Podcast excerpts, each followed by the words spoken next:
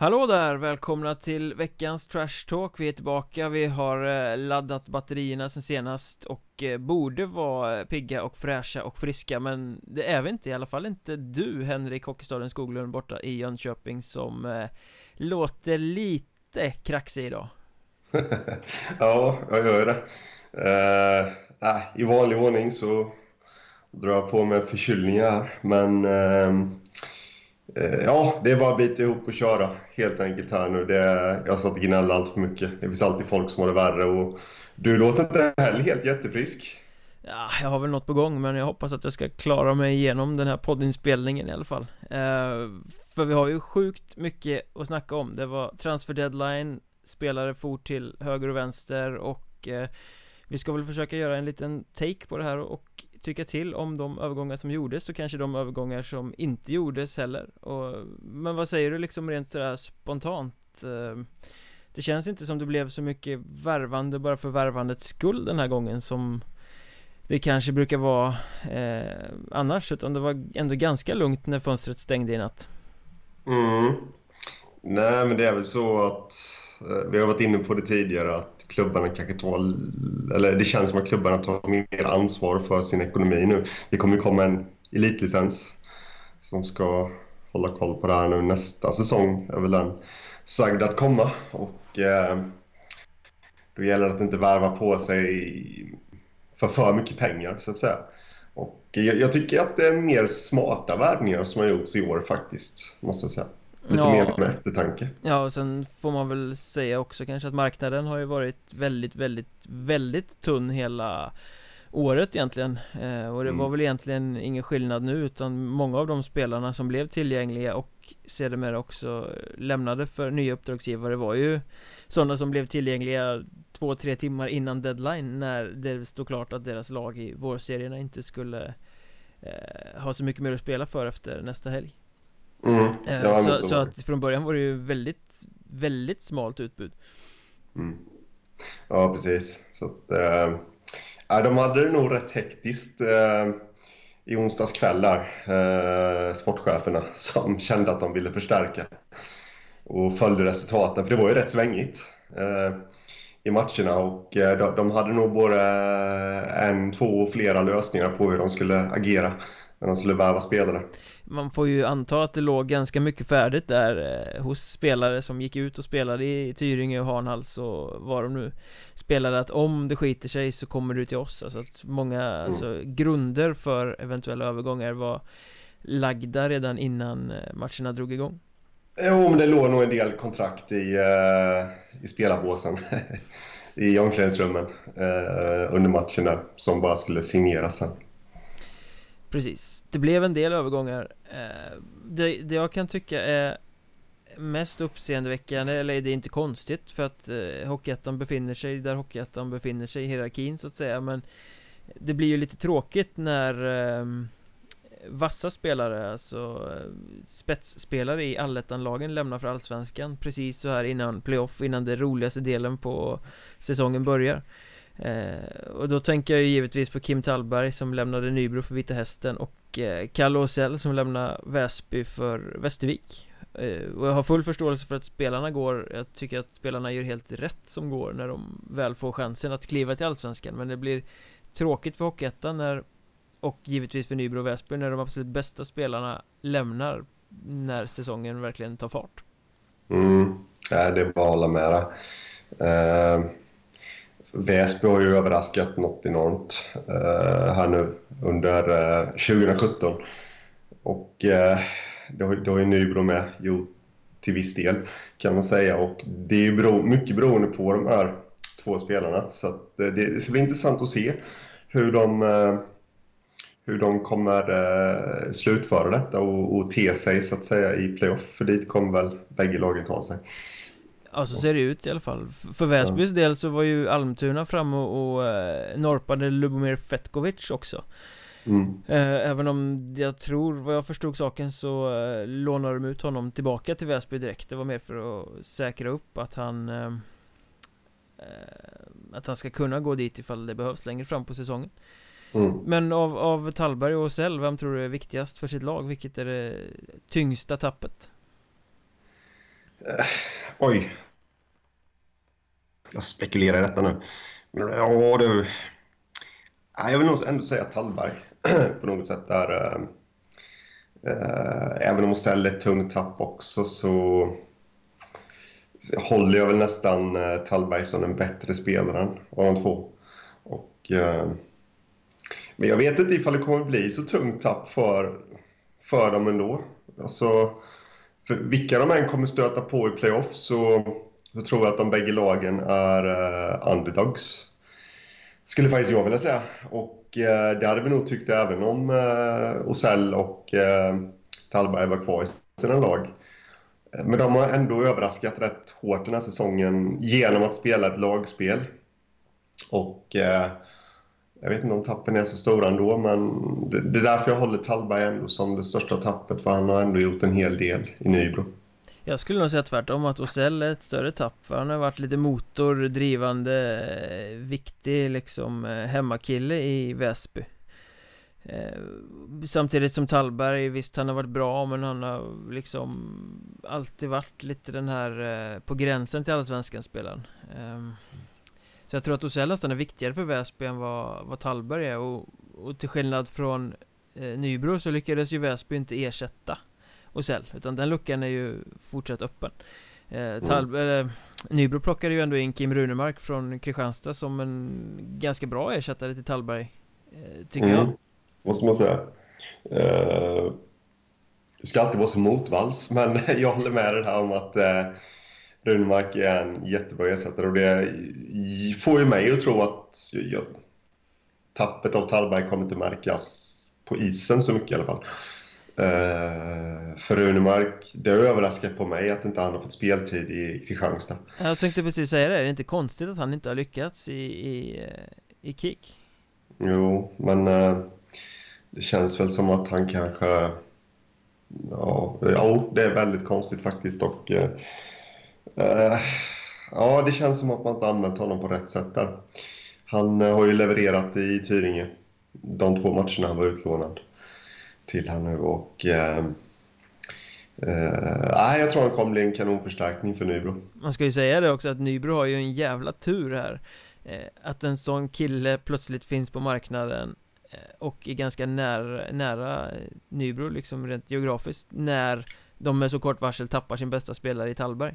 Mm. Jag menar att kunna ersätta honom med någon som är kanske inte likvärdig men nästan lika bra Det händer ju nästan aldrig för ett Hockeyettan-lag Så här Nej. sent på säsongen så där ska de ju vara väldigt lyckliga att de Att det blev som det blev Ja men det här är lite Nybros säsong Det har vi pratat om innan De, de har fått ihop det och det, det mesta verkar liksom falla deras väg På något sätt i år. Eh, det har studsat emot nu flera säsonger i rad nästan, känns det som. Och, och, men nu och då, då är det väl liksom bara gjutet att, att en sån här möjlighet dyker upp då när man tappar Tallberg. Eh, men de tog ju inte bara in Runemark, de, de tog ju även in eh, för några dagar sedan Albert Elisko, eh, backen och nu eh, precis innan deadline så värvade de också Martin Jonsson, back från Arboga. Eh, jag snackade med Erik Lindström i, i Nybro där om varför de har varit så bra den här säsongen. Eh, det var någon vecka sedan jag snackade med honom och då tryckte han ju ganska mycket på det här att gruppen har äntligen funkat. Eh, alla andra säsonger som han har varit där har det alltid varit lite strul, folk har fallit ifrån, det har kommit in folk och det har inte funkat gruppmentalitet sådär riktigt. Men i år har allting fallit på plats, alla vet sina roller, alla gör sina roller Allt har funkat. Eh, och så nu bara BAM! Så kommer det tre nya snubbar innan deadline precis Kan inte, ja, det, det, kan, kan, inte det, kan inte det rucka Nybros fina gruppmentalitet då?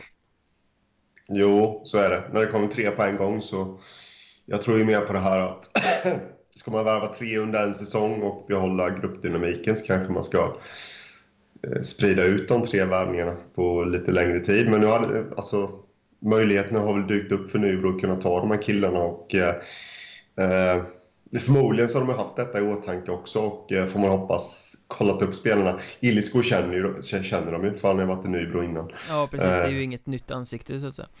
Nej, men att de har kollat upp då både Runemark och Martin Jonsson där att kommer de att smälta in i vårt lag och eh, hockeyvärlden är ju liten så att eh, det finns säkert jättemånga i Nybro som vet vem Kim Runemark är. Ja, det vore konstigt annars. eh, sen får man väl säga det att Tallberg hade en klausul i sitt kontrakt som gjorde att han kunde dra när som helst och, och så, sån är ju realiteten liksom att det går inte att skriva fast så bra spelare i Hockeyettan utan ska man varva en, en spelare av den kalibern så måste det finnas en klausul, annars skriver han inte på. Eh, Nej, Och då gör man som Nybro, då lever man farligt så här när de allsvenska vill eh, bolstra sina trupper lite inför deadline. Ja, men det är, det är lite intressant ändå tycker jag att, äh, att Tallberg går till Vita Hästen här nu. De har lyckats med sina allsvenska värvningar på senare år. Eller Hockeyettan-värvningar, menar jag. Ja, du tänker på Rickard Palmberg framförallt då antar jag? Ja, ja, precis. Och det är väl någon mer och sen tränaren Jonas Jonsson eh, kommer ju från Varberg eh, och har fått fason på Vita Hästen efter en eh, väldigt trög inledning och det ska bli intressant att se Tallberg i hästen faktiskt. Mm. Det blir, blir faktiskt väldigt intressant att se om man äntligen kan platsa på hockeyallsvensk nivå mm. eh, Eller om de kommer skicka ner honom i ettan igen Det, det lär vi väl bli varse ganska snabbt tror jag mm. Men eh, det är ändå lite, tycker jag, eh, ja vad ska man säga, anmärkningsvärt att de byter ut en Kim mot en annan. Om det bara hade varit förnamnet som stod på ryggen på tröjorna hade den bara kunnat ta på sig Tallbergs gamla. Mm, det kanske den hade gjort i den koreanska ligan.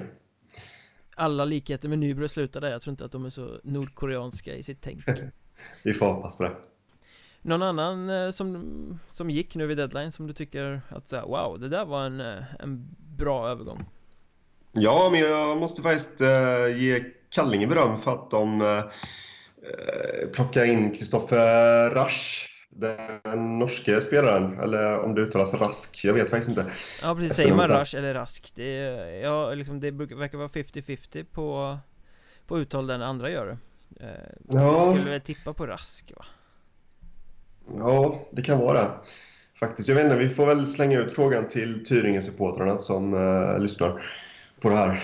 De får höra av sig och berätta hur det uttalas. Uh, för han lämnar ju då Tyringe och uh, i och med att de är klara för säsongen deras sista match blir betydelselös och gå in i Kallinge istället och, och ja, vad ska man säga? Alltså, det, den, den, spelaren kanske inte väcker så mycket uppmärksamhet annars men han är jättebra på att teka och när på säsongen är det som bäst man behöver bra tekare. Man behöver alltid, men det är ju nu när playoffspelet kommer börja. Kallinge är också ett lag som högst troligt kommer ta sig till playoff. Mm, och, definitivt. Eh, och eh, då behöver man en sån som kan gå in i de här situationerna, så att säga. Kallinge tog ju eh, Kalle Hult från Tyringe också. Mm. Helt annan typ av spelare, kraftfull, kan gå i bräschen lite Kanske det de tappade när Sebastian Magnusson gick till Kristianstad inför den här säsongen mm. Och i Kallinge så tycker jag väl inte heller att eh, De är liksom vana vid att laget är en eh, ambulerande cirkus där det åker spelare lite in och ut Så att jag tror att det påverkar inte så mycket där att det kommer två nya her herrar in. Eh, Och jag tycker att båda känns som eh, Nu gick Tyringe som de gjorde den här säsongen Men eh, det känns som två ganska intressanta nyförvärv ändå. Eh, Jag tror att de kan färga i Kallinge. Ja, men det tror jag med Faktiskt, och som jag var inne på där, jag tror Rask då Som vi har bestämt oss för att vi ska kalla honom. Han kommer eh, Han kommer bli väldigt, väldigt nyttig för dem. Och eh, jag tror många supportrar kommer få upp ögonen för honom. För han är riktigt stark i, i tekningssituationer Framförallt, men han är stark i övrigt med Vad säger du om eh, Pontus Guldén som bytte Hanhals mot Vimmerby i natt då?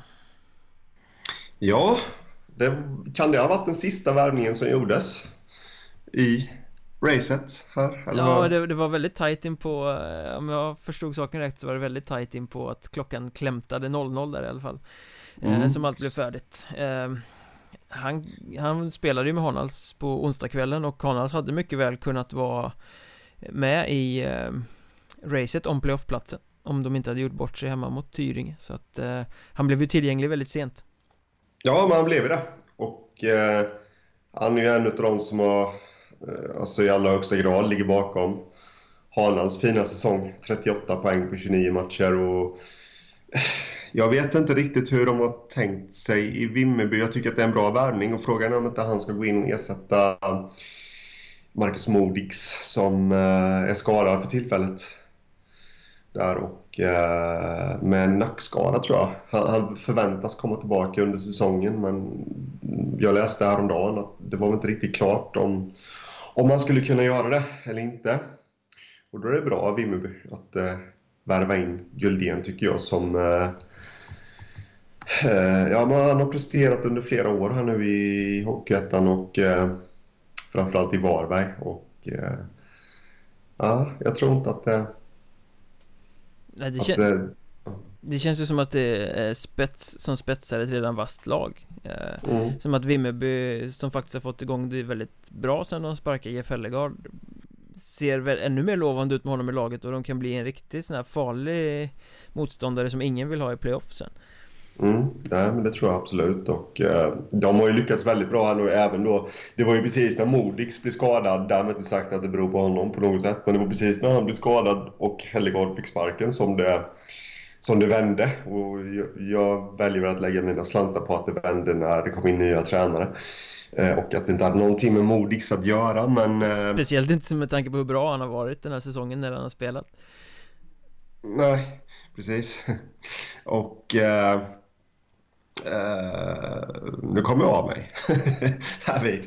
Uh, jo, de har kommit igång och uh, då är det precis som du säger att Guldén kommer gå in och förhoppningsvis färga. Han har ju bytt lite klubbar genom åren här i Hockeyettan och ändå, som det känns, lyckats hitta sin position relativt snabbt.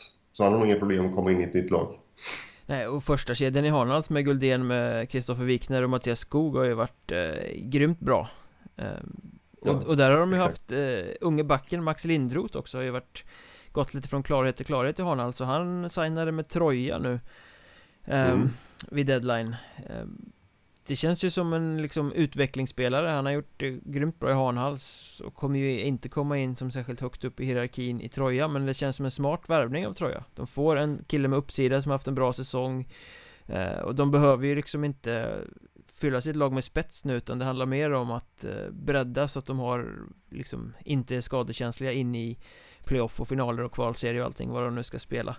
Eh, så att den värvningen gillar jag nästan ännu mer. Jag tycker den är väldigt uh, intressant att Troja nyper honom uh, Med tanke på den säsongen han har bakom sig. Ja, nej men så är det ju.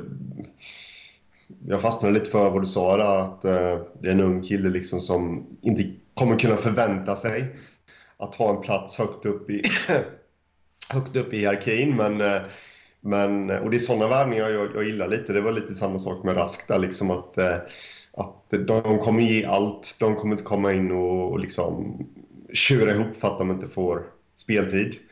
Som kanske en stor stjärna hade gjort om han hade bytt klubb inom Hockeyettan. Då. Utan helt rätt värvning och nej, det, den känns också bra för Troja som har haft enorma skadebekymmer under säsongen. Och eh, eh, ja, med det som facit så behövs det ju att de stärker upp. Mm, de norpade ju Micke Johansson från eh, Kallinge här för någon vecka sedan eh, mm. Lite intressant övergång och han har ju gått in och levererat direkt så där lyckades de ju också med en bra eh, centerförstärkning. Mm. Ja, precis Så att eh, Nej, det, trots att de har massa spelare på skadelistan tror jag så tycker jag ändå att det ser ljust ut för dem med de här smarta värvningarna. Micke Johansson är också en smart värvning tycker jag och det har han ju visat. Mm. Mikael Roslund tog de väl från Tyringen nu också i, i sista laget. Det känns som att, okej okay, Du kommer härifrån, du har spelat i våra juniorer, du kan komma hem och bredda på något sätt. Eh, Jag vet inte om han är lite skadad just nu om jag läste rätt eh, Så det, kan, det kanske också så här bredd på sikt som de tänker med honom då. Ja precis, jo han åkte väl på någon hjärnskakning tror jag eh, mot eh, Tranås i, för några matcher sedan. Eh, men, nej, men precis som du säger, han, han är därifrån och, och spelat eh, hela vägen upp från eh, hockeyskolan och genom... Eh, ja, det vet inte jag i och för sig om han gick hockeyskolan, men jag antar det i alla fall. Och eh, hela vägen upp spelat en match för dem i ettan tror jag. Och eh, var i Karlskrona förra säsongen i superelit och gjorde rätt bra ifrån sig där. Eh, fick chansen i Tyringe och har gjort helt okej okay. siffror i Tyringe med som har haft svårigheter att göra mål under säsongen. Eh, nu tillbaka till Troja och det är också en kille som självklart kommer ge allt och bara egentligen vara tacksam över att få minuter liksom eh, av istid i, i A-laget. Som han förmodligen har längtat efter hela sitt liv, att få representera Trojas A-lag. Mm, jag tycker det är intressant hela Trojas, eh, det här att det inte är eh, superbomberna, de stora stjärnorna. Jag menar, förra året försökte de med Jonas Johansson och det gick inte alls. Han levererade inte alls i, i vad man får anta gentemot vad han kostade och så vidare. Att nu litar de istället på de tunga pjäserna de redan har. Det är de som ska göra det och så lägger de till lite eh, skön bredd vid sidan av. Ung entusiasm, mm. eh, garderar sig för skador. Jag tycker att eh, Trojas deadline-värvningar är eh, alltså bättre än vad de brukar vara. Eh, de brukar gå ut efter de här stora som ska komma in och bidra men de finns ju inte i år De har inte funnits tidigare år heller men då har man ändå chansat på någon mm. Och nu gör man istället så här så att ja, det är intressant det, det, ja, Jag tycker att det är bra tänkt Jo, men det tycker jag med. Eh, angående Jonas Johansson där så Inget ont om honom. Han har levererat väldigt bra utomlands men konstigt nog har han aldrig lyckats i Sverige. Trots att han var juniorstjärna och allt det där. Ehm, det är faktiskt lite anmärkningsvärt och det borde man nästan ta och skriva en artikel om. Ja, han kom väl upp som någon sån här firad superjunior i HV någon gång i tiden va? Och, ja. och, och var sen helt klappkass och lyckades inte alls på SHL-nivå. Ja, han, jag vet inte om han var uppe i A-laget men han åkte över och spelade juniorhockey tror jag i Kanada USA. Och eh, blev draftad av Colorado och eh, frågan är nu kan jag minnas fel om han gjorde någon NHL-match för Colorado, men eh, han spelade väl i AHL också. Kom hem till HV sen och det var väl där då han kanske var firad, så att säga. Men då hade han väl hunnit gå in i senioråldern tror jag, men lyckades inte alls precis som du säger där och... Eh, det är nog det jag kommer ihåg då när han kom tillbaka ja. hem och inte alls ja. var bra, fast alla trodde att han skulle vara bäst. Mm, lite så, så det, det är ett mysterium faktiskt och jag trodde också att han skulle lyckas i Troja jämfört med vad han förmodligen kostade då förra säsongen men man fick inte riktigt till det. Så att, eh, man har lyckats utomlands däremot eh, väldigt bra så ja, det är ett mysterium faktiskt. Men som du säger, där, Troja, Troja imponerar på transfermarknaden. Pelle Svensson kanske har gjort sin läxa. Men apropå Troja, Kristianstad då, det är ju Troja och Kristianstad som eh, krigar i kapp där i toppen på södra serien. Kristianstad har ju för sig värvat hela säsongen så det är svårt att liksom samla ihop något helhetsgrepp på det för det har kommit in spelare hela tiden. Men eh, även de var lite aktiva här i slutet eh, och plockade ju in eh, Marcus Sirén lånade de in från Mora en forward som kom in för någon vecka sedan och har gjort succé eh, sina första matcher i Skåne, gjort lite mål och sådär. Eh, Det känns ju bra för dem att han kom in eh, direkt sådär. Ja, och börja leverera direkt med det alltså. Mm. Ja, absolut. Det, det behöver man ju. Eh, liksom ifall man satsar så högt som Kristianstad gör så behöver man ju att eh, de här spelarna kommer in och levererar direkt utan att, eh, ja, att det börjar bli en massa snack. Om man säger så att, ja, varför skulle de ta in honom? Han gör inga poäng, utan då är det väldigt, väldigt bra. Att, eh, de visar direkt så att man slipper det snacket från ja, folk runt omkring då.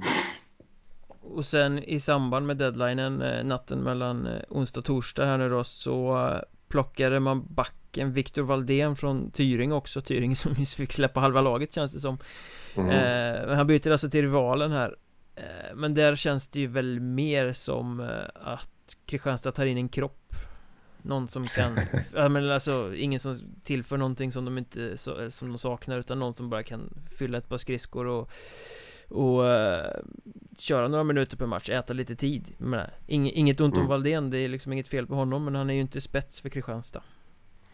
Nej, nej men så är det. Och uh, uh, precis som du säger där att ja, men stärka upp och gardera sig mot eventuella skador liksom det det, jag, tror de hade fått rätt mycket skit, eh, Joakim Johansson och ja, det är väl han som håller i, i värvningarna där i Kristianstad ifall de inte hade plockat in någon och sen får de tre backskador liksom i, i en eventuell kvalserie. Eh, för att de inte hade stärkt upp laget då med, eh, med, med någon och, och han är nog så dyr heller. Så att, eh, smart värvning det med och jag måste flika in där att jag, jag gillar ändå det här när eh, Tyring har ju släppt väldigt många spelare och det tror jag kommer gagna dem för någonstans kanske det har suttit någon som inte har vågat släppa iväg spelare i någon klubb för att ah, men då kanske de försvinner till nästa säsong. Sådär då. Även fast det inte är så vanligt. Men eh, jag tror att många klubbar passar sig för att släppa för många spelare. Eh, men här gör man ju helt rätt. Och släpper liksom, låter spelarna förlänga säsongen och eh, få ett gott öga till klubben också. Ja, varför ska klubben sitta och hålla på spelare när säsongen ändå tar slut? Mm. Det, det är en obetydlig match kvar i helgen. Eh, mm, det, det, det, är precis som du säger, det sänder inga bra signaler till spelare att hålla kvar dem. Nej. Eh, även om det blir lite löjligt när liksom hela femmer ska lämna lag så här. Mm. Men det är ju seriesystemets upplägg som gör att det blir så. Ja. Sen angående Kristianstad ska man väl säga också att de har väl en av Moldén-bröderna skadad för resten av säsongen tror jag. Ja, och då är det väl ännu bättre att, att, stärka upp med ytterligare en kropp på backsidan Så att mm. Breddvärvning, de behövs de också Ja, ja, exakt och det är väl kanske lite där Kristianstad har ja, på något sätt lyckats den här säsongen tycker jag att eh, Förra månaden så har det varit mycket stjärnor kanske Men nu har de tänkt ett steg längre att Precis som du säger här då att breddvärvningarna behövs ju också.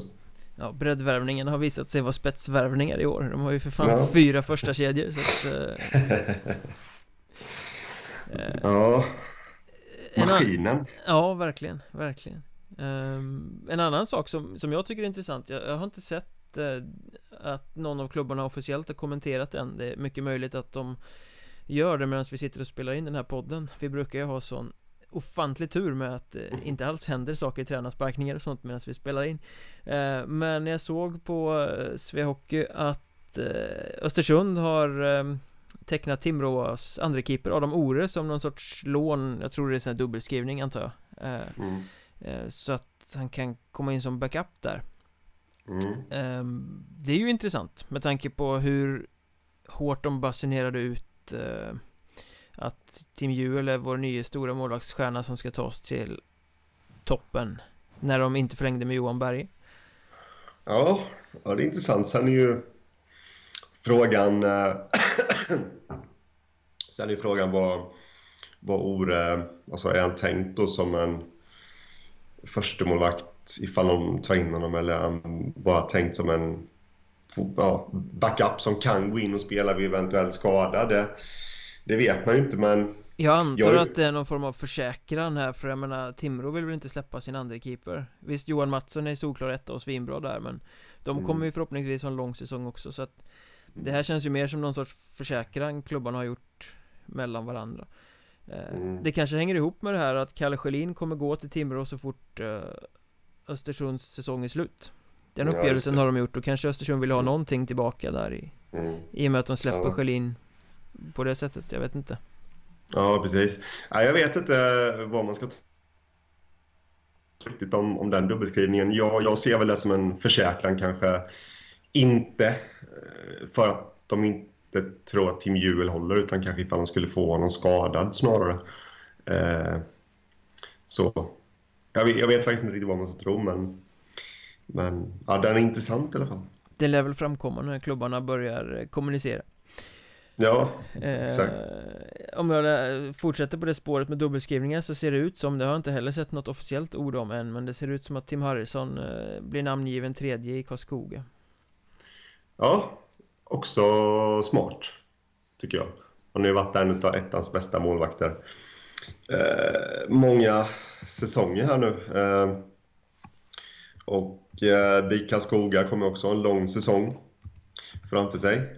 Medans eh, Medans uh, Kumla kanske inte kommer ha det Nej, deras är ju slut om tre matcher mm. Det finns ju bara på pappret möjligheten att de ska kunna ta sig till playoff Ja, precis. Och då, då är det liksom... Ja, men det är perfekt för BIK Skoga ifall de nu skulle få någon av sina målvakter skadade så kan de plocka in honom som... Ja, han har gjort någon allsvensk match tror jag, i karriären och... Eh, eh, har massvis med säsonger i Hockeyettan bakom sig med bra resultat. Att han vet lite vad det handlar om. Han är ju i eh, vad man då brukar säga en bra ålder också, 25 år. Ja, ja precis. Eh, så vi får väl anta att det stämmer när det står sådär. Eh, jo, så är det. Så länge han inte varit utlånad tidigare under säsongen, men det har jag faktiskt ingen uppfattning om. jag, vet, jag, jag, vet inte, han har blivit namngiven sådär tidigare så att mm. Ja, man vet ju inte heller. Dock ska man vara... Jag hittade faktiskt det för några veckor sedan. Eh, jag behöver inte nämna namnet där nu, men eh, en ledare som var skriven för två olika klubbar. Eh, faktiskt på ja, helt olika nivåer i seriesystemet och jag var faktiskt tvungen att kasta iväg ett sms till den här ledaren och fråga ifall, jaha, har du bytt klubb? Nej, nej, det, det måste vara helt fel. Så. För det hade han inte gjort och det har inte framkommit än. Och det var nog bara att Svehockey har glömt att plocka bort honom från sin förra klubb för att enligt dem så var han tillbaka i sin förra klubb igen. Ja, ja. Eh, så, men så, så, så, var inte fallet och det, jag har sett att han har varit verksam i sin nya klubb nu då. Eh, här nu eh, de senaste veckorna också. Så, att, eh, men det, så det kan bli fel ibland också. Man ska helt enkelt inte tro på allt man läser. Nej, precis.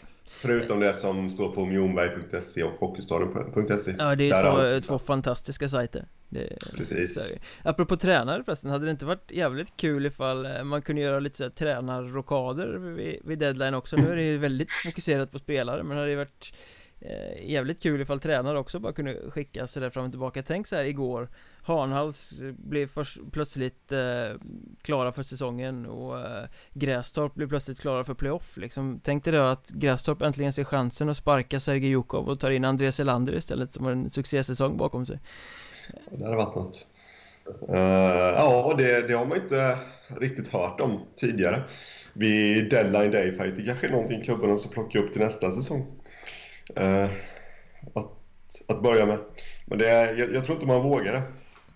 Alltså, nu pratar jag inte just om de här två klubbarna och de här två namnen utan... Nej, det var bara ett exempel som hade varit rimligt och logiskt mm, Men eh, rent generellt så, så tror jag inte att man vågar det i med, ja du vet allt det här snacket och att spelidén är satt och man har haft en lång säsong och det har funkat alltihopa då, då tycker man inte att det är värt att chansa. Men jag håller med dig, jag tror väl att... Eh... Du tror att Andreas Elander hade gjort underverk med Grästorp? Ja, men jag, jag tror väl att han hade lyckats bättre ändå. Faktiskt, eh, även om Grästorp har gjort en jättebra säsong och, och liksom tagit sig till playoff för första gången i deras historia så, så, eh, så tror jag att han hade kunnat göra det ännu lite bättre. Men han har lyckats med Hanals som ja, de flesta nog trodde skulle få kämpa för att klara sig kvar. Liksom. Och det behövde de knappast göra. De var på väg... Eh, ja, det var först i onsdagens match som chansen om eh, playoff då gick de ur händerna. I mm. den sista matchen alltså. Så han har gjort det fantastiskt bra och frågan är ifall de får behålla honom till nästa säsong. Kanske blir Grästorp. men, men det är ju eh, som du säger mer komplext med en tränare som har hela helhetsansvaret på ett helt annat sätt än att bara lyfta en enskild spelare. Men eh, det hade varit kul. Det hade varit jäkligt kul. Ja. Ja, men absolut. Men som sagt så är det ju det. Det är ju liksom inte så att man kanske, ja vad ska man säga, man byter, ja nu händer ju det i och för sig så det är ett väldigt, väldigt dumt exempel men man, man byter väl kanske inte statsminister över en dag så heller. Nu var ju det ett väldigt dumt exempel. Så. Det har ju hänt. och jag tror inte att våra lyssnare, de är förvisso mat och geografiintresserade men så politiskt intresserade vet jag inte om de, om de är faktiskt. Nej, det vet inte jag heller faktiskt. Jag hoppas det, för politik är viktigt. Det är väldigt, väldigt viktigt. Eh, fast kanske inte i det här forumet. eh, för nu ska vi ägna oss åt att såga Surahammar lite. Mm. de tog in en femma till här, alltså fem nya spelare in. Det är ju klart att de ska få kvala. De gjorde samma sak i år, eller i, i fjol lyfte in massa spelare inför eh, Inför kvalet. Och jag tycker att det här är skevt på något sätt. Vad är liksom här ligger de och är dyngsist hela säsongen. Klappkast, tillför ingenting till Hockeyettan egentligen. Så blir det kval, så lyfter de in fem nya spelare, spetsspelare från andra lag eh, Klarar sig kvar Och sen så är de i botten i Hockeyettan igen Vad är poängen med det liksom? Varför ska man eh, hålla på så? Är det inte roligare att ha ett lag Göra en ordentlig satsning i serien än att hålla på med de här Rädda säsongen med en massa sista sekunden värvningar Ehm, för jag menar nu är det duktiga spelare de plockar in i Kristoffer Hanning, målvakten från Köping är ju jätteduktig och Kevin Weiskog och Oskar Pettersson från Enköping, det är ju spets liksom Mm. Men alltså, kunde man inte ha sett om sitt hus lite tidigare i så fall och försökt Mm, ja. Nej, det, det är väl ekonomi, antar jag. Eh, Det måste ju vara det, att eh, man chansar på att, att man ska klara det under ordinarie säsong och, och sen öppna sig den här möjligheten. Men vad är poängen med att överhuvudtaget ligga i Hockeyettan om det ändå liksom bara är en Hoppas att det löser sig Satsning liksom Nej, nej det, det håller jag med om och det, det blir ju på något sätt ett, ett litet eh, underbetyg åt hela ligan faktiskt när, när man kan klara sig kvar. Nu vet vi inte ifall de gör det i år då, men eh, de har ju onekligen förstärkt sina chanser att klara sig kvar i alla fall eh, genom kval nu med de här spelarna in och eh, eh, ja, det är väl någonting som ligaorganisationen får ta sig en titt på. Jag börjar nästan fundera på om det är ju lite transferfönstret som ställer till det i det här fallet faktiskt. Eh, Nu blir det svårt att ändra med tanke på att det gäller för alla serier men eh, och eh, det finns väl klubbar högre upp som vill ha det till den 15 februari men man kanske borde tidigare lagt det två veckor i alla fall. Ja, Tycker jag, jag, jag, så- så tycker det är så, tycker det är så tråkigt när man inte tillför någonting och sen förstärker man bara till kvalet Mm. Med så mycket folk, nu lyfter de in Fredrik Orsten också som är 38 bast och inte har lirat på hela säsongen Mm. Och de senaste säsongerna väl var lite sådär halvintresserad av det hårda jobbet Jag vet inte vad det sänder för signaler heller, det är liksom så här.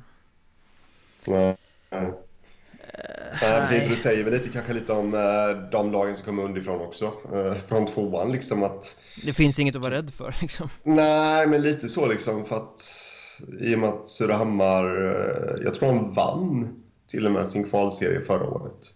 Obesegrade, kanske tappade någon poäng.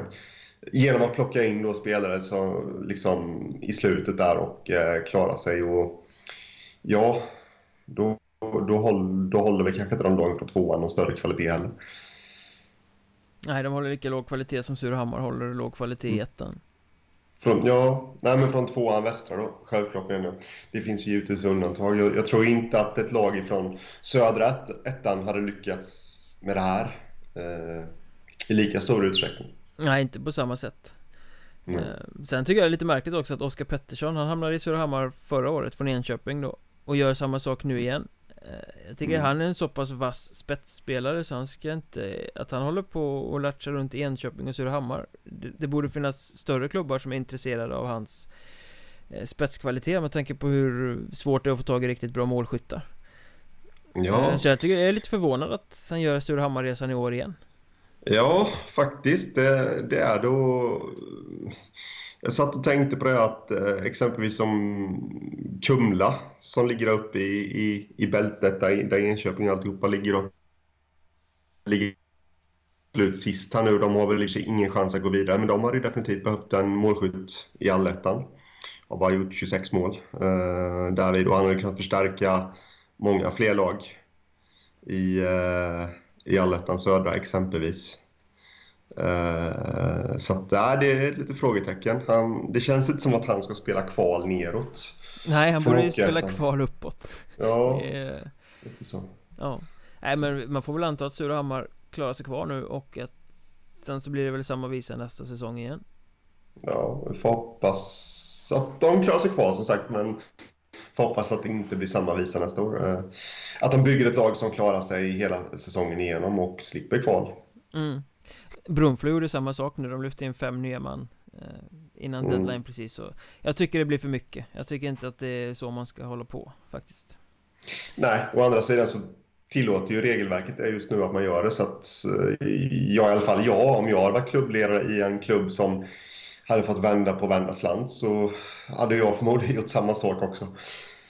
Ja, jo, det är ju systemet som, som är själva boven i dramat Om man säger så, så att eh, Så är det ju.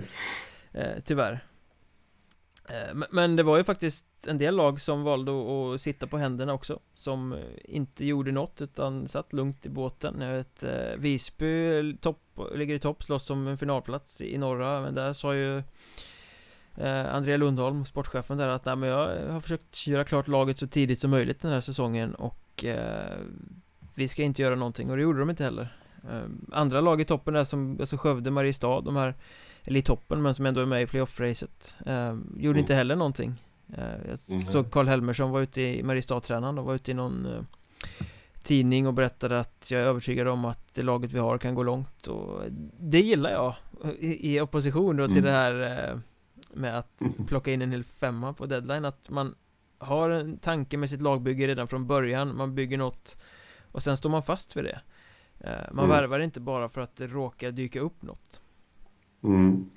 Nej men så är det ju och eh, det tycker jag det tycker jag är smart också samtidigt så och då är man ju nöjd med sitt lag. Samtidigt har jag full förståelse för att det, det kan vara svårt i ja, maj, juni, juli, augusti och se eh, vad ens lag behöver just den säsongen för att klara sig för att klara målsättningen. Så då är det inte så konstigt heller att man måste plocka in lite spelare då under säsong och, och kanske här vid deadline. Men det är ju ja, an, pos, i positiv bemärkelse nu då anmärkningsvärt eller värt att berömma menar jag att, eh, att man ändå inte behöver plocka in dem för att man har lyckats så bra med sitt lagbygge ändå. Jag satt och funderade på Piteå eh, här vid. De har i och för sig plockat in eh, Jannik Karvinen som det var väl några veckor sedan nu tror jag. Mm. För att förstärka sitt lag, men det är väl den enda värvningen de har gjort också. Om jag inte är helt fel ut där. Eh, så de är också suttit rätt lugna i båten.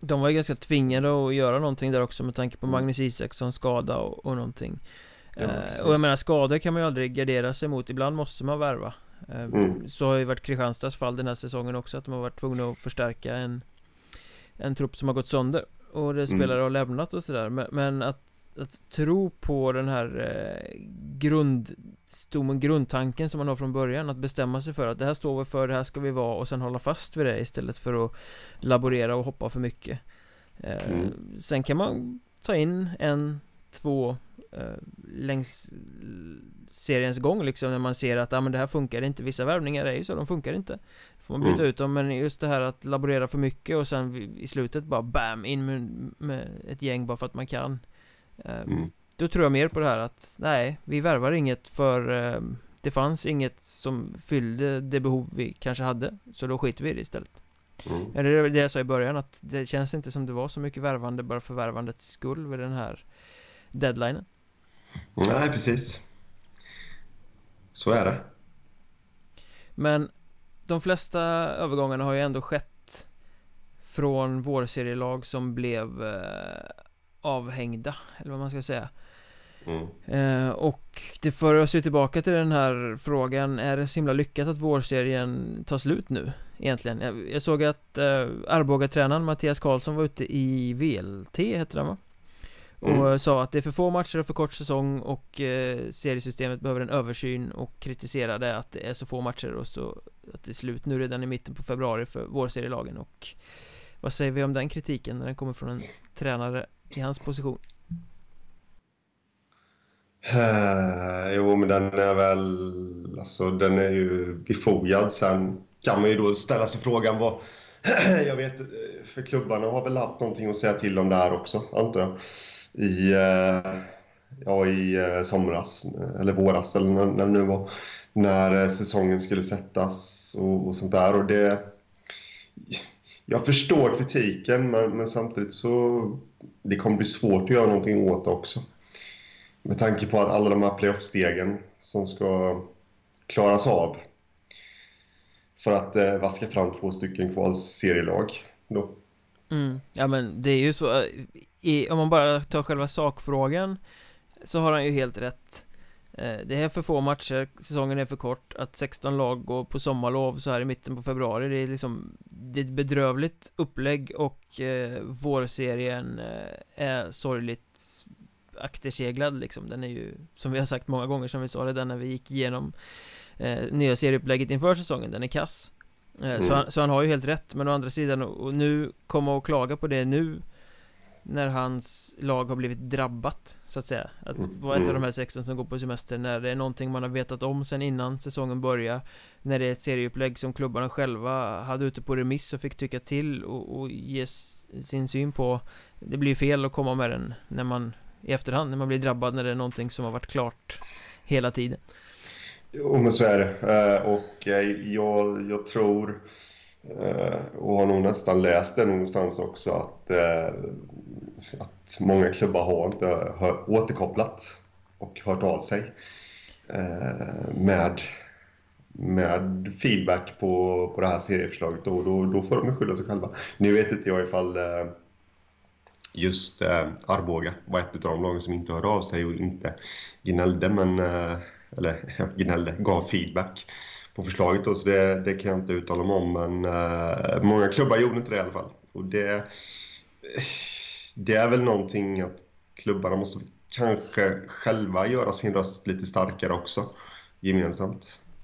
Ja. Jag tror, jag tror, jag tror utan att veta så misstänker jag att det är några få som, som, som kan föra sin talan men, men i övriga så är det kanske inte så mycket bevänt med den saken gentemot eh, Hockeyettan nu då som organisation.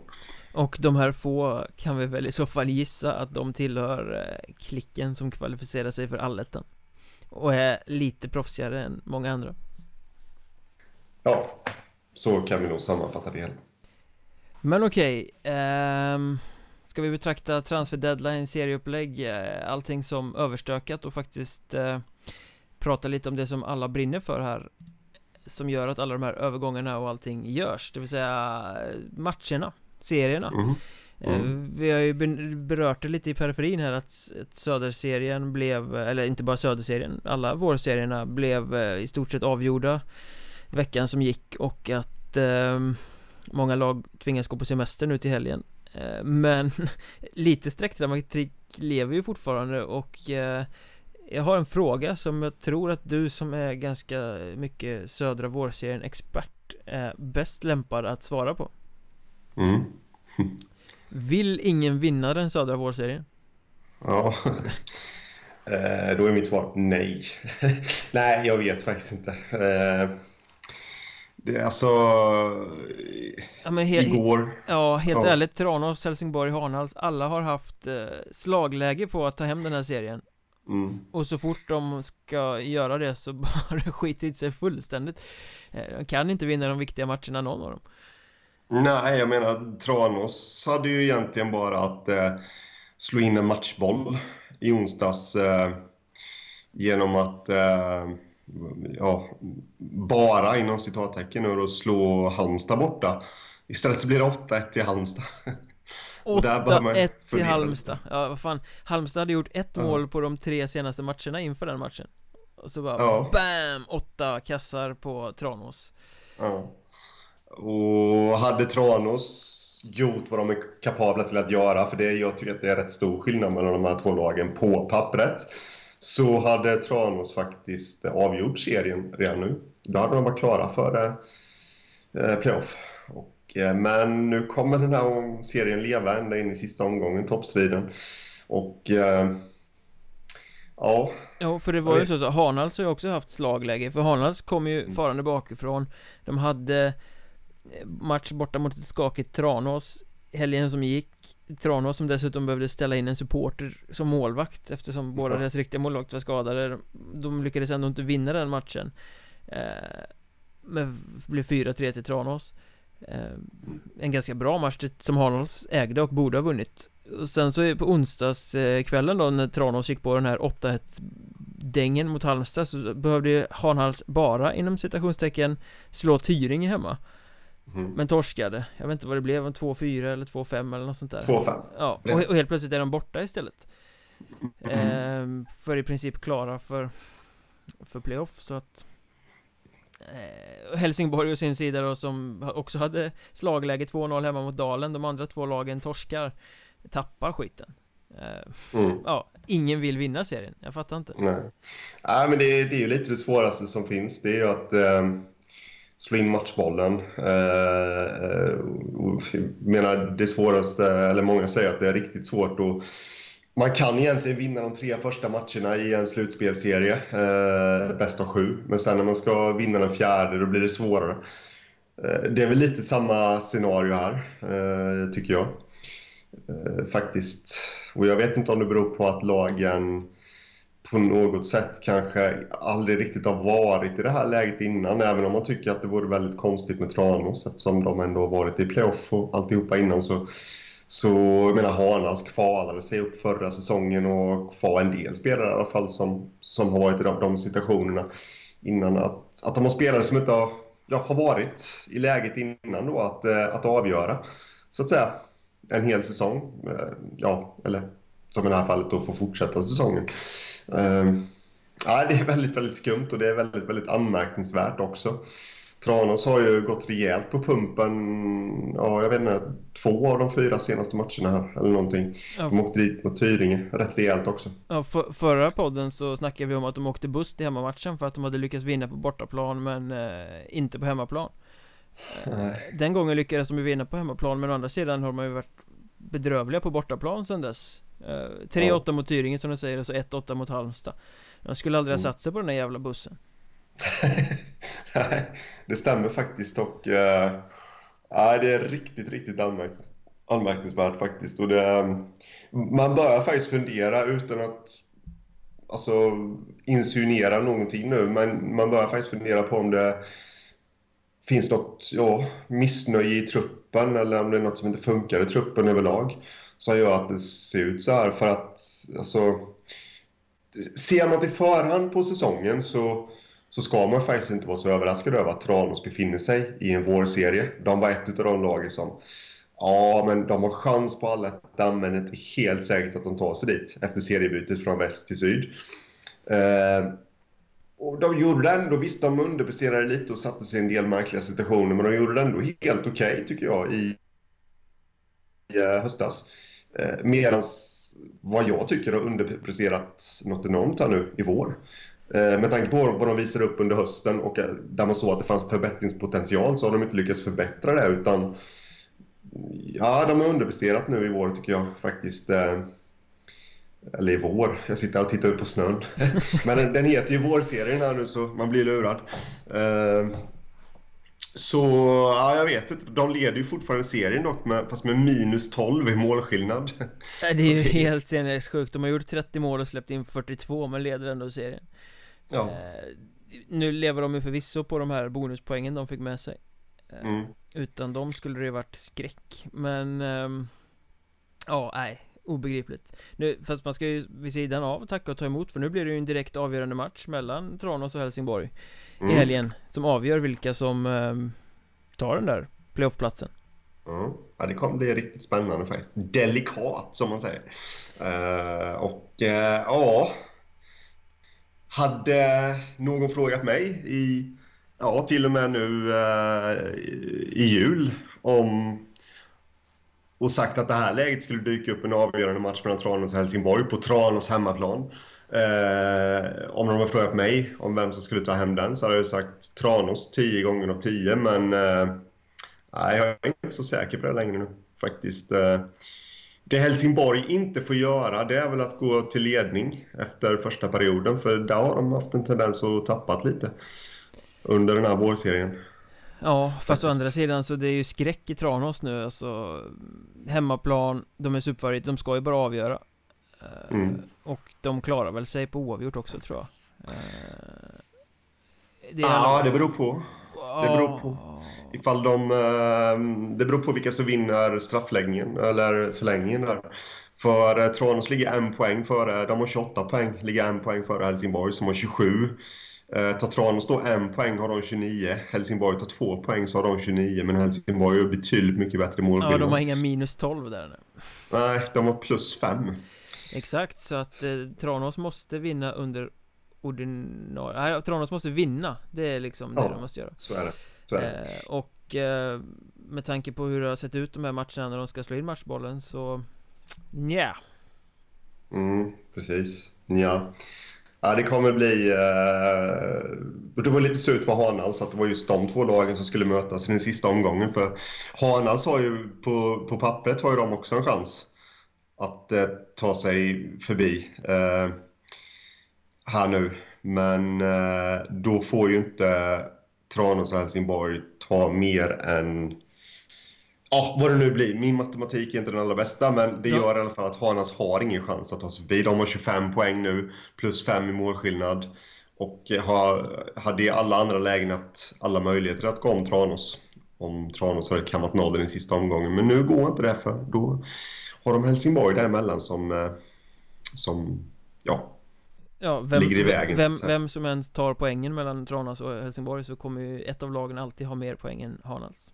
precis. Så kan man sammanfatta det på ett kort och koncist sätt också. Och, och vinnaren mellan eh, Tranås och Helsingborg får ju gå in och möta Grästorp då i playoffet. ja, precis. Anmärkningsvärt här också är att Tyringe eh, är i samma situation som Hanals. Fast det gör ju ingenting eftersom de också har lag ovanför sådär då. Jag ville bara påpeka det. De har också 25 poäng. Hur, hur, hur goda eh, chanser har Grästorp att spöa Tranås eller Helsingborg då? Ja, du. Utan storstjärnan Carl-Johan Svensson. Ja, där måste man ändå säga att, eh, jag tänkte nämna det förut här i podden, men jag fick aldrig läge då, men eh, att eh, jag ska inte säga att Grästorp har gjort imponerande utan honom, för de, de har väl torskat ännu och vunnit än tror jag. Eh, men på något sätt ändå imponerande att de kunde i onsdags till slut slå in den här matchbollen och eh, ta sig till eh, playoff. Och, jag vet inte faktiskt med tanke på... Nej, jag, jag, jag har inget svar på den frågan. Nej, jag tror det kan bli rätt jämnt och tajt och kul oavsett vilka det blir. Ska vi tippa på att det blir Grästorp Helsingborg då? Eh, Ja, du menar vilka som har störst, störst chans mellan de två? Nej, att det blir den Nej. matchserien. Att Helsingborg slår ut. Tranås. Ja, jo men så tror jag faktiskt. Jag tror på Helsingborg. Som då blir klara för kval till Hockeyallsvenskan. Nej, nu ska vi inte ra- raljera för mycket men det där har jag noterat de Ja, varje år faktiskt, men nästan ännu mer i år hur eh, det börjar närma sig playoff, klubbar blir klara både från allettan och från vårserierna och alltså klubbar går ut på sina hemsidor i sina sociala medier och berättar att de är klara för playoff mot allsvenskan. Lokalmedier på allehanda ställen skriver att laget woho ska kvala mot allsvenskan. Eh, bara för att man har gått i playoff i den här Hockeyettan-pyramiden som ju till slut leder till kvalserien. Och jag blir, eh, jag blir lite förbannad på det där faktiskt För det är ju, det är ju för fan fel. Att spela playoff i Hockeyettan är inget jävla kval till allsvenskan. Det är liksom inte, det är knappt så att det är halvvägs genom allting liksom. Kvalserien, det är kval till Hockeyallsvenskan. Eh, det andra är playoff i, i Mm. Hockeyettan, det är inget eh, jag, blir, jag blir så här less när jag ser hur klubbar och lokalmedier skriver att folk ska liksom kvala till Allsvenskan Det är ungefär som Ja. att jag åker till Malmö härifrån och säger att jag åker på en långväga solsemester liksom Ungefär lika sanningsenligt Ja, men... Ja, man, om man säger så här, och det gäller ju speciellt i år och när rent på pappret så...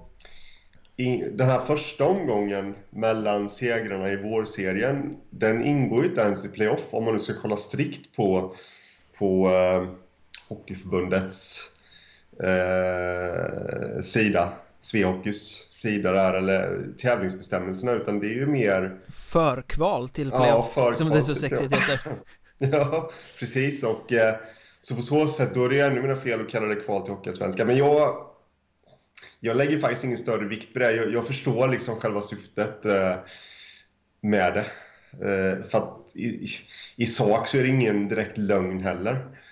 Eh, att eh, du, det är ju ändå ett kval till Hockeyallsvenskan, men det är väldigt många steg eh, tills att det kommer fram till en kvalserie och, Ja, och men- sen där då ska det... men... Eh, Ja men i så fall så är det så att 20 lag kvalar mot Allsvenskan Det vill säga hälften av alla lag i Hockeyettan får varje säsong kvala mot Hockeyallsvenskan Eh, Ja, men Det är ju en ska så här skev eh, sanningsbeskrivning Vissa lag får vara med och leka lite i ett playoff som tillhör Hockeyettan Jo, men så är det. Och sen ska man hårdra det hela ännu ett steg längre så är är det faktiskt 48 lag som redan i eh, september inleder kvalet mot Hockeyallsvenskan. Om man nu ska vara sån. Men... Eh, nu raljerar jag. Men, eh, nej, men jag tycker inte att det är fel. Jag förstår ändå klubbarna att de... För att få upp tempen lite, för att få upp uppmärksamheten eh, lite kring sin, sitt lag eh, när de ändå tagit den här platsen att... Eh, att dra på med den trumman ändå. För att det är ändå det första steget i en lång, lång, lång pyramid tills du kommer fram till kvalserien. Allt kan hända. Eh, jag förstår att de rycks med och, eh, och gemene man har inte riktigt koll på Hockeyettan. Tyvärr, än idag är det så att de har koll på SHL, de har koll på Hockeyallsvenskan. Och eh, medan de kanske ser på Hockeyettan som, ja, jag vet inte, någon lägre serie som, som eh, lite mera korpen över det hela. Överdrivet sagt, men eh, och då är det klart att klubbarna märker ju av det här. Och eh, då vill de liksom, nu bangar vi till med det här liksom rubriken att men... vi är klara för kval till Hockeyallsvenskan så kanske någon mer blir intresserad för det vet folk vad det är i alla fall. Men även lokalmedia bangar ju på med det där. Ja, men de vill ha klick. Ja, det är ju liksom faktafel. Eh, men att jag förstår givetvis att folk gör det. Man tar i som man bajsar på sig för att skapa intresse. Eh, men det blir ju ungefär samma sak som att stå och sälja piratkopior på någon sån här jönsig marknad ute i bushen och säga att man säljer Gucci och Armani för att det låter bra liksom. Mm, ja, fast det är ju olagligt i och för sig att göra. Men... Uh... Det borde fan vara olagligt att säga att man kvalat till Allsvenskan när man har gått till ett första steg i playoff också. Det var kanske tur att vi inte spelade in en tvodd för det känns som att du är svart i blicken här nu. Högröd i ansiktet och svart i blicken. Spruta slem ur öronen på mig gör också. Uh, nej men jag, ty jag, tycker att det blir så här, det urvattnar hela skiten. Det, det är liksom, um, det blir, det blir töntigt. Och jag tycker inte att serien har ut något av att det blir töntigt. eh, utan kval och kval och det är långt fram på säsongen det där Troja och kompani kommer vara liksom. Mm. Men eh, det är då som sagt första steget och man vet aldrig. Det skulle ju vara en fantastisk grej om något av de här fyra lagen som kommer ta sig från vår serierna går ända fram till en kvalserie. Nu tror jag inte det, att något av dem kommer göra. Jag tror inte något av dem kommer överleva playoff 1, men eh, eh, ja, beroende på vilka de får möta. Vi är inte där än, så jag ska inte ens uttala mig om det, men det skulle vara fantastiskt faktiskt, ändå. Och jag har fått gnälla lite så jag känner en eh, fantastisk lättnad, en tyngd från mina axlar som har ramlat av. Vad bra. Det är alltid kul att kunna hjälpa till, som man säger. Borde kunna knäcka som terapeut. ja, precis. Det, det hade kunnat bli spännande. Men om vi då eh, hoppar eh, vårserierna och kastar oss på alletterna istället De som inte har börjat kvala mot allsvenskan riktigt än men kanske ska eh, Det känns som att playoff Striden dog lite i Söderserien nu när eh, Borlänge slog Lindlöven på onsdagskvällen i, i sträckmatchen där. Det var en poäng till Borlänges fördel innan eh, de vann den matchen och nu är det fyra som skiljer, tre omgångar kvar. Eh, Känns inte som Lindlöven med sex raka torsk i ryggen kommer hämta in det där. Nej, nej det känns inte som det. Och det det går väl inte ens med den vildaste fantasi att säga att, eh, att det kommer bli något annat än, det, än som det ser ut just nu, alltså i, i hela, alltså vid alla strecken i den södra allettan. Faktiskt. Jag har väldigt svårt att se att det kommer förändra sig. Sen kan det bli lite positionsförändringar. Givetvis, men eh, däremellan då. Men eh, nej, som du säger, det skiljer fyra poäng mellan Borlänge och Lindlöven. Tre matcher kvar. Eh, vid det övre strecket, det som ger spel i playoff 2 tror jag. Eh, direktkvalificering dit så har Mariestad eh, sju poäng till godo på Vimmerby på fjärdeplatsen. Och eh, det, det, ja, jag tror inte Vimmerby kommer hämta ikapp det. Nej, Mariestad känns ju så trygga och, och har spel som som funkar och sin bra målvakt som vi har nämnt vid många tillfällen den här derbysegern där med 1-0 som de hade mot Skövde i helgen som gick blev ju liksom lite nyckelmatchen där. Att de fick alla tre mm. poängen med målet sent där två minuter från slutet. Eh, så de har ju liksom råd att tappa två av tre matcher som är kvar. Ja precis, sen är det ju inte avgjort i sig vid ett utav eh, de här tre strecken och det är ju kampen om första platsen där då. Ja, Kristianstad och Troja fortsätter att planenligt vinna sina matcher och bygga upp för den här eh, onsdagsdrabbningen i Kristianstad ja. eh, De måste ju sälja ut den där hallen där hur, hur, mycket ser man inte fram emot den seriefinalen som med största säkerhet, eh, eller största sannolikhet säger man kanske, kommer avgöra vilka som går till finalen Mm. Jo, men det, det, det lär de göra. Eh, avgöra det och eh, som läget är nu då så nu ska de ju spela en match sins, eller en match var innan de möts eh, på onsdag. Men eh, Troja och Kumla hemma, det lär de vinna. Kristianstad har Borlänge borta och eh, ja, det lär väl Kristianstad vinna också. Så då kommer de stå på Troja 41 poäng och Kristianstad 40 poäng. Vilket antiklimax ifall Troja vinner sin match och Kristianstad förlorar sin i helgen. Ja. Så att det är fyra matcher. 50 pers på läktaren. Ja, men så att det är fyra poängs eh, eh, marginal mellan dem. Det tar ju mm. bort allt det roliga med den matchen på något sätt. Jo, det gör det. Eh, sen blir det en morot för... Eh, om det nu skulle ske så blir det en morot för Kristianstad. Då är det verkligen att de måste vinna den matchen. Eh, om de ska ens ha en rimlig chans på finalen. Eh, för ja, det har ju hänt under sista omgången. Troja har Nybro hemma. Nybro har väl slagit Trojan någon gång under säsongen. Till och med i, i allettan faktiskt. Ja, till och med i allettan och, och Kristianstad och Skövde borta. Så det är inte tvärkört bara för att det skulle bli de resultaten eh, i, eh, på söndag. Men det mesta lutar väl åt att, att de går rent i sina bägge matcher de har kvar och i den tredje matchen de har kvar och så möter de varandra och eh, den kommer att avgöra. Man längtar. Jag tittade faktiskt på eh, Lindlöven-Borlänge igår som ju var lite samma typ av match med tanke på på vikten eh, kring eh, strecket där och den var väldigt avvaktande i början och blev väl aldrig riktigt det här fyrverkeriet som man kanske hade hoppats Men det blir ju inte det var 300 pers på läktaren liksom Lindlöven har ju inte publik på det sättet så det blev ju inte det här heta heta häftiga som man förväntar sig att det ska bli i Kristianstad på onsdag. Nej, nej men så är det ju och det är ju en, det är en häftig match. Alltså Troja och Kristianstad var ju de som även inför säsongen målades ut till potentater att till och med kunna ta sig upp till Hockeyallsvenskan och det är ju en helt annan dignitet på det. Om man säger så. Verkligen. Eh, Borlänge nämndes ju också lite, lite löst i försnacket av mig bland annat. Men, eh, men Lindlöven gjorde det inte så då blir det ju liksom en annan dignitet på ja, den då. Och Borlänge har ju överhuvudtaget inte levt upp till sina förväntningar i den här allettan. Nej, absolut inte. Så där hade jag fel. Ja, det var väl nog ganska många som hade fel. Jag tror de flesta trodde att Borlänge skulle ha i alla fall häng på toppen. Mm, jo. Så är det. Men eh, norra serien då, om vi bara belyser den lite kort. Där har ju också dratt ihop sig Eh, Huddinge torskar mot Sundsvall nu senast 1-5 Vilket ju gör att eh, Huddinge, Visby, Sundsvall, eventuellt Piteå också eh, Har ganska skönt race där de första platsen Sam mm. Samtidigt som Hudiksvall och Asplöven har börjat rasa ner mot botten på ett obehagligt sätt Det kan bli lite kamp där nere med Kalix och Östersund om de sista playoffplatserna också Ja, precis. Ja, det. På så sätt känns ju den här eller på så sätt är det rätt självklart. Vi har ju bara toppstriden kvar i söder, men i norr så är ju allting öppet egentligen. Och eh, det, vi var inne på det innan, Kalle och Sell har nu lämnat Väsby och eh, det ska bli intressant att se hur de reagerar på det. Lars eh, Lundin har lämnat Hudiksvall också. Ja, det är med. Jobbsituationen där var det va? Ja, han jobbar på båtföretag eller något hörde jag, typ.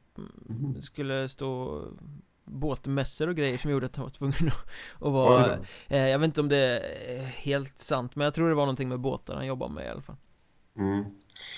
uh, Och uh, Där är det mest öppet, jag menar Vi har en uh, plats, eller kampen om Eller just strecket där, 8 och 9 plats Kalix ligger på 16 poäng Östersund ligger precis under på 16 poäng också och det, det är bara, bara sju mål som skiljer dem åt till Östersunds nackdel. Och, ja, Östersund har helt klart underpresterat eh, jämfört med vad många trodde. Så att... Eh, mm, ja, det är väldigt det, intressant. Det blir spännande. Det är lite dubbelmöten och sånt i helgen också, tror jag. Spelar ja. både lördag och söndag. Eh, så att eh, många lag kan bli inblandade kring många streck där i den serien och det är ju alltid roligt. Ja, precis. Med Väsby exempelvis nu då har ju Piteå hemma och Östersund hemma. Eh, och där måste ju nästan Östersund vinna. Mot Väsby. För de möter Haninge på bortaplan Östersund där, på lördagen. Och där måste de också självklart vinna, men, men det, jag tänker snarare att det, Väsby har överraskat så pass mycket att visst, nu har Osell försvunnit också, men jag tror inte Piteå, vare sig Piteå eller Östersund kan känna sig jättesäkra på poängen i Vilundahallen som den heter. Nej, och Kalix och Asplöven ska väl åka och möta Huddinge va? Och i Björkängshallen är det svårt att hämta poäng. Ja, absolut. Det är eh, likadant så ska de till Gotland också. Eh, bägge de gängen i helgen och där är det också lite svårt att hämta poäng så att eh, ah, det kan bli väldigt, väldigt intressant. Ja, det är kul helg för oss som gillar Hockeyettan i alla fall. Ja, absolut. Eh, när vi ändå pratar om oss som gillar Hockeyettan så ska vi väl kanske skicka ut en liten hyllning också. Vi pratade om deadline och trading och allting sånt förut, men när Enköpings säsong tar slut nu så är det ju faktiskt en karriär som över också för att Andreas Persson, deras stora trotjänare, stora poängmakare har ju bestämt sig för att sluta Efter mm. en väldig massa säsonger i Enköping och det är väl bara att lyfta på hatten och tacka för underhållningen under en eh, lång och fin karriär och imponeras av att han har stannat så länge i en och samma klubb Ja, absolut. Det är imponerande och eh, vi gillar ju sånt. Vi brukar ju gnälla ibland på att sådana som har vad ska man säga, eh, kapacitet att nå högre upp ändå stanna kvar i samma klubb. Men samtidigt så gillar vi ju trotjänare också. Det är ett tvegat svärd det där. ja, men det är ju lite det. Och, eh, om inte jag är helt fel ute nu, han, eh, han har gjort 541 poäng på 443 matcher i grundserien i Hockeyettan tror jag. Och det vet jag för jag kollade upp statistiken där innan. Men om jag inte är helt fel ute så tror jag att han under säsongen var den spelare i Hockeyettan som var aktiv som gjort flest poäng. Eh, jag vet att jag kollade upp det under förra säsongen tror jag. Jag tror inte det har tillkommit någon eh, under den här. Så att... Äh, äh, ja, det är en stor, stor spelare mm. som lämnar. Tack och bock helt enkelt. Ja, tack. Jag hostar inte för att vara sarkastisk, utan jag hostar för att eh, jag är förkyld. Han har varit bra. ja, ja, jag uppfattade själv att det kunde uppfattas på det här sättet. I den här podden gör vi oss inte lustiga på andras bekostnad. Nej, bara över Mats Lusts. Nej då. Så lustigt. eh, apropå lustigt, eh, fan vi är bra på de här liksom klämmiga väderövergångarna. Eh, Apropå lustigt, det var en väldigt lustig eh, målvaktsvecka som passerade också. Väldigt ja. mycket konstiga målvaktsstories. Ja, faktiskt. Eh, Jag vet inte var vi ska börja, vi börjar väl med eh,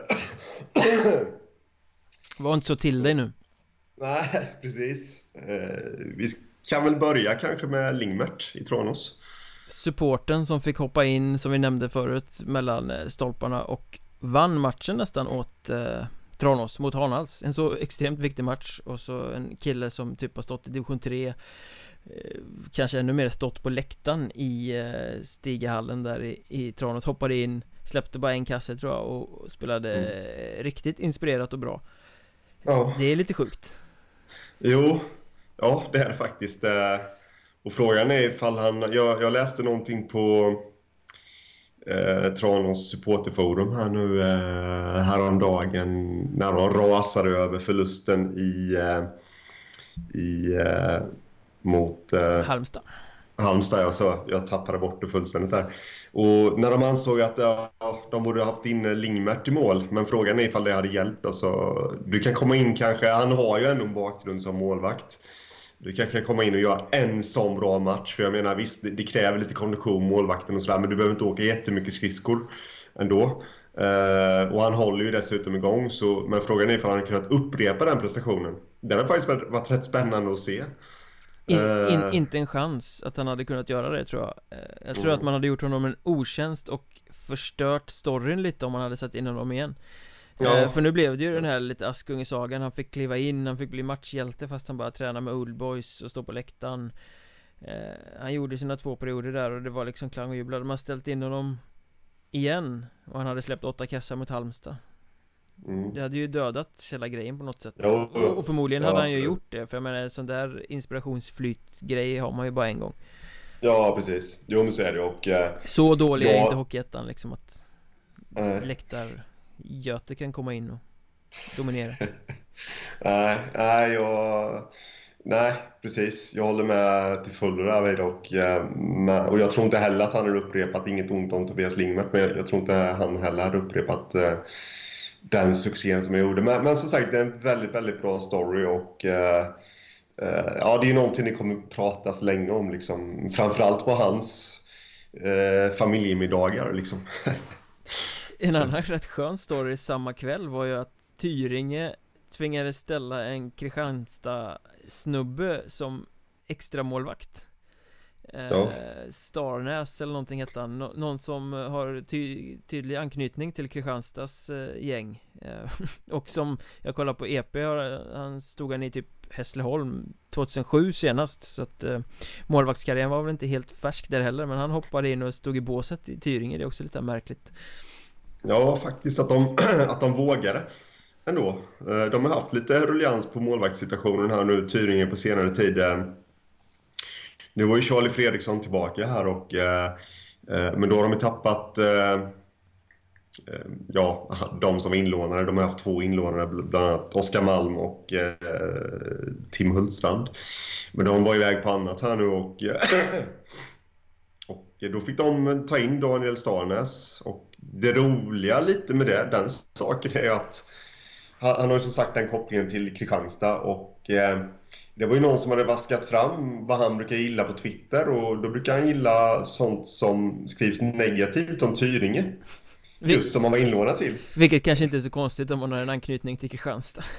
Nej, precis. Och eh, det var någon supporter som skrev det där på, till Tyringe då att hoppas han inte får hoppa in eller något sånt där. Och, med lite galghumor i det hela och eh, då gick ju Stanes i sin tur ut på Twitter och ifrågasatte varför folk skrev så om honom. För de borde vara tacksamma för att han kommer och hjälper till. Ja, det är klart att de är det. Det var en lite så trött kommentar tycker jag. Alltså har man likat eh, illa saker om Tyringen så får man faktiskt ta att folk vaskar fram det.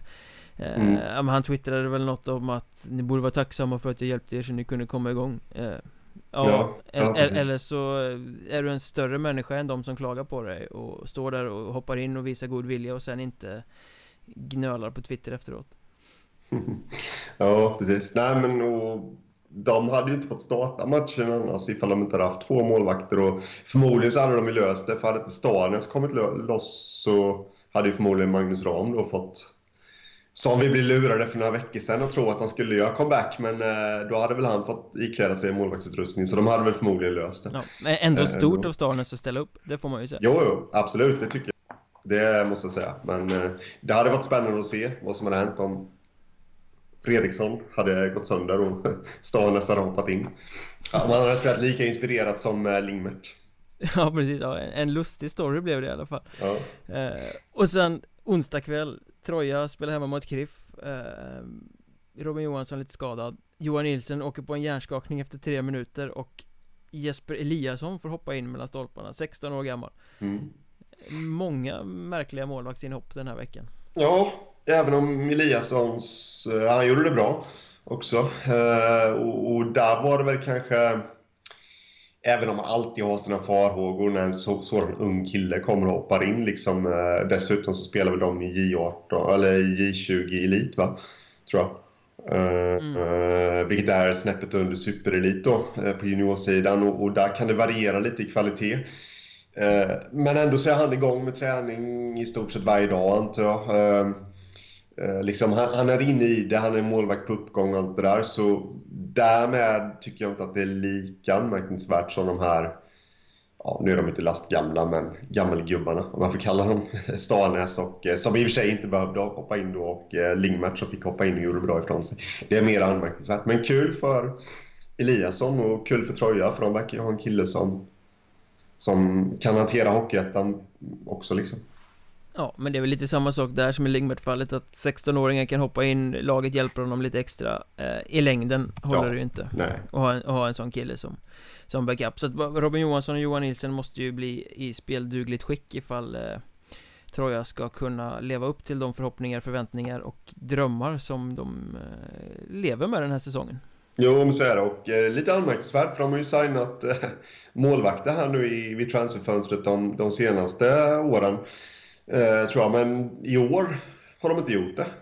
Faktiskt, och eh, nu har de bara då eh, Johansson och Nielsen att tillgå. Och det vill ju till, de är ju jättebra målvakter, så det är jag absolut inte orolig för. Men, men det gäller ju att de håller sig skadefria.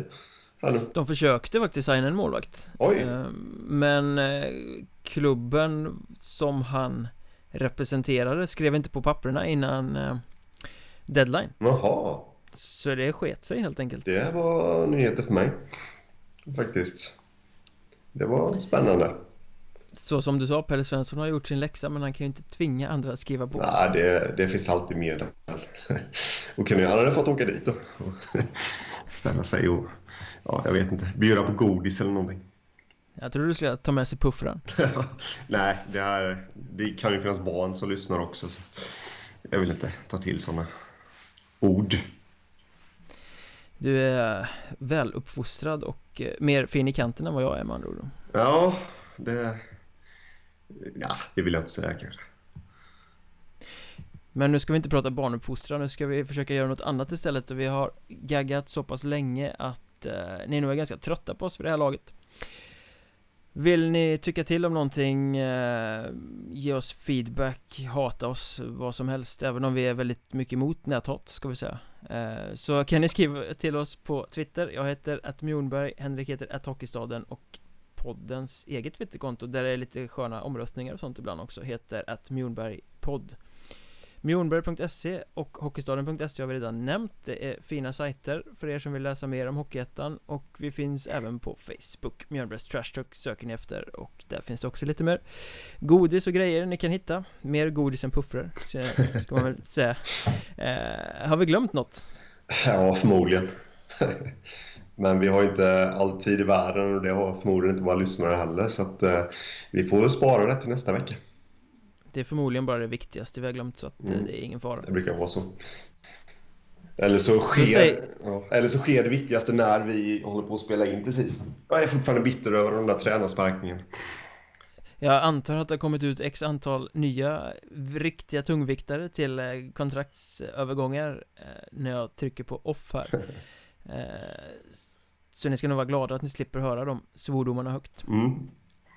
Med det så tackar vi för den här veckan och så hörs vi igen om en vecka ungefär Och då är det ju väldigt mycket som förmodligen är avgjort i serierna kan vara kul att diskutera då Mm. Precis. Då hörs vi Det gör vi. Ha det gott. Tja. Tja.